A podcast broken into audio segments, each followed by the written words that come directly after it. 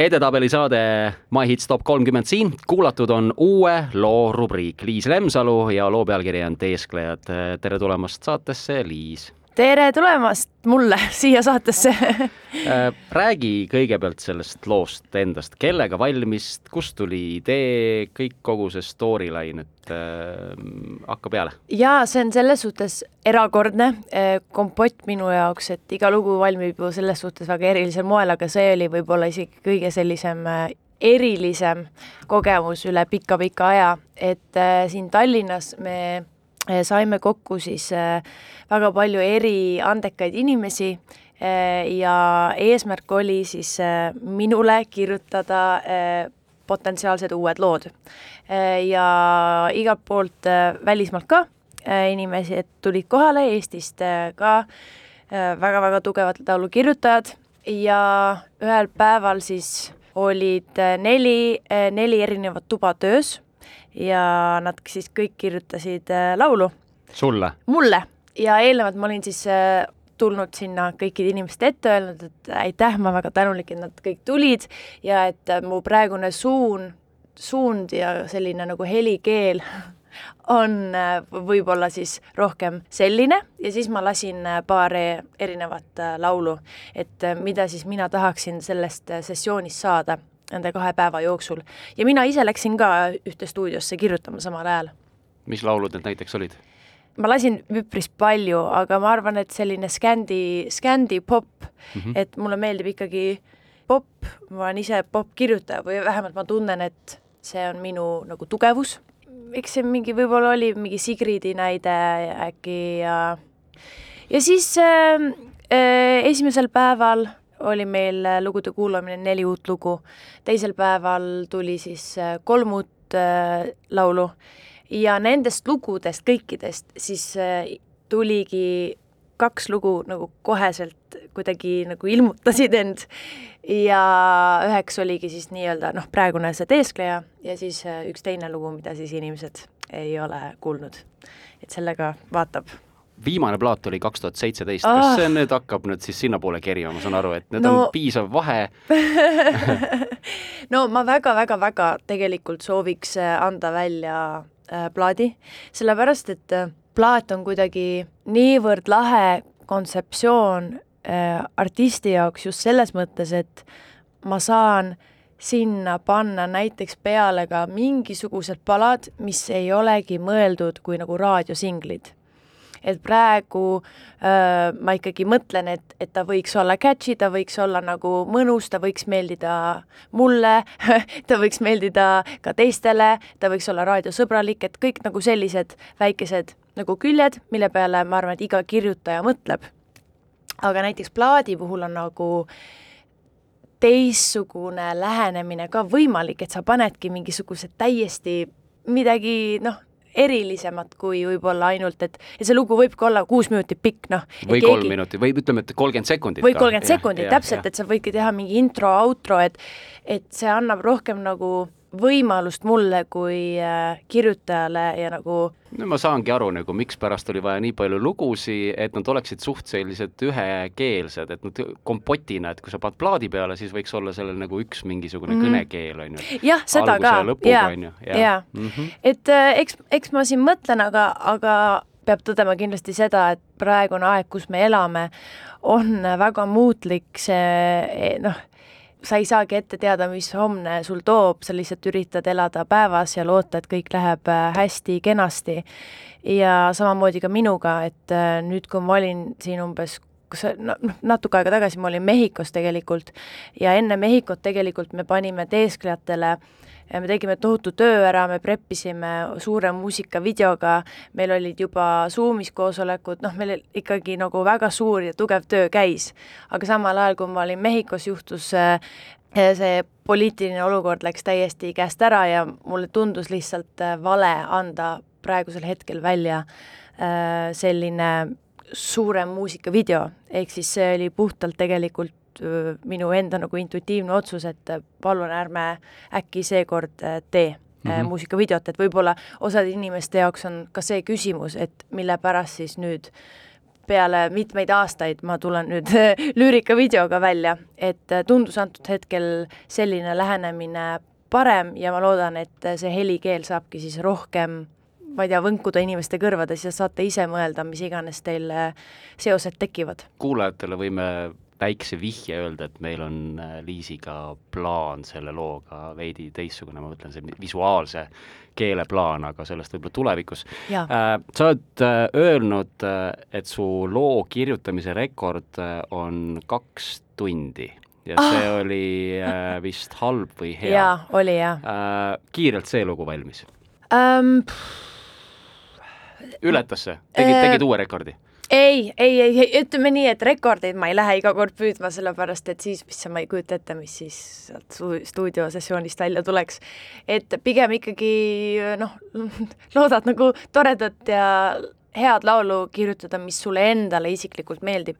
ja mulle näiteks see lugu äh, algusest oli üldse inglise keeles, ta tundus kuidagi nii välismaine ja mul oli korraks üldse probleem, et oota, et ta tundub nagu liiga välismaine, et võib-olla üldse ei saagi eesti keeles sellele sõnu kirjutada, sest et tal on, ta on hästi ära hakitud nagu you me half for you.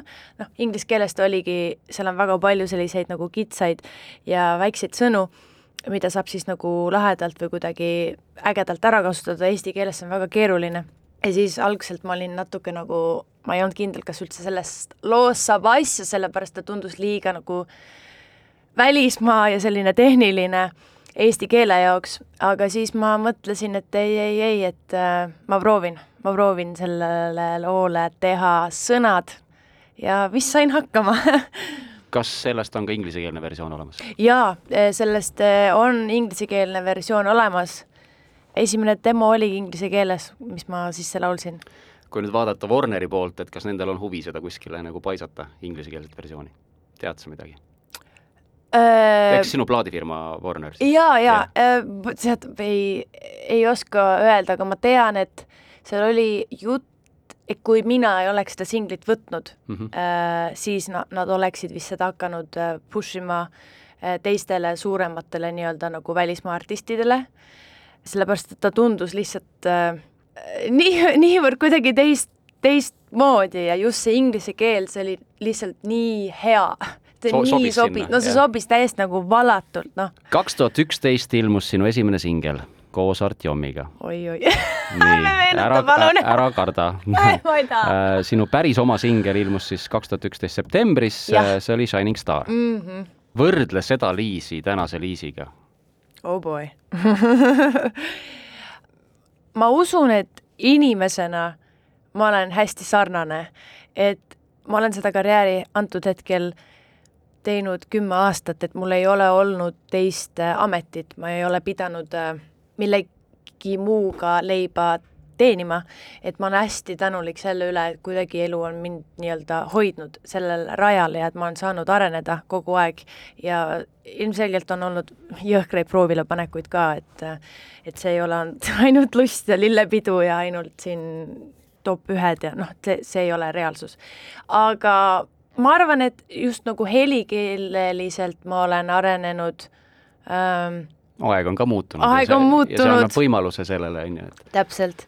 ja ma tahaks loota, et äh, ikka paremuse poole ja eks ma siin otsin ja sehkendan edasi ja, ja üritan veelgi rohkem võib-olla katsetada. et Shining Star oli hea poplugu, aga ma mäletan, et kui see välja tuli, siis tegelikult äh, ma, ma tundsin, et see ei nagu ei resoneeru minuga üldse. Et ta oli liiga nagu magus ja liiga armas ja liiga selline tänane lugu on äh, rohkem sina? absoluutselt aga noh, see on nüüd ikkagi palju aega tagasi ka. eelmine aasta oli sul siis kümme aastat sai täis sinu esimesest singlist, tähistasid ka kuidagi seda äh,? muideks ei tähistanud üldse. just mõtlesin selle peale, täna, kui ma nende küsimuste peale mõtlesin mm, -hmm. siis just tuli nagu see mõttesse, et mul ei ole üldse meeles nagu, et kas sa nagu tegid midagi sel puhul või sa ei teinud midagi um,? tead, vaata, kuidagi naljakal ajal äh, juhtus siis minu see kümme, aastat, et äh, üleüldse need viimased aastad on naljakad olnud, see aasta on naljakas, noh, kogu aeg nagu mõtled, et kas see saab veel nagu huvitavamaks äh, nii-öelda minna ja noh, nagu näha, siis tegelikult saab. ja võib-olla sellepärast ka kuidagi võtad, elad päev korraga, väga võib-olla nagu suuri asju ei tee, tähistadki nii-öelda nagu enda lähedaste seltsis, oma sõprade, vanemate, kallimate ka hmm.. enne muusikukarjääri jaa ma natuke sobran seal, seal Appi. vanas ajas äh,. oli sul ka laua peal äh,, ühes intervjuus ütlesid äh, diplomaadiamet. jaa. keelte peale pidi olema sul väga hea nina mm..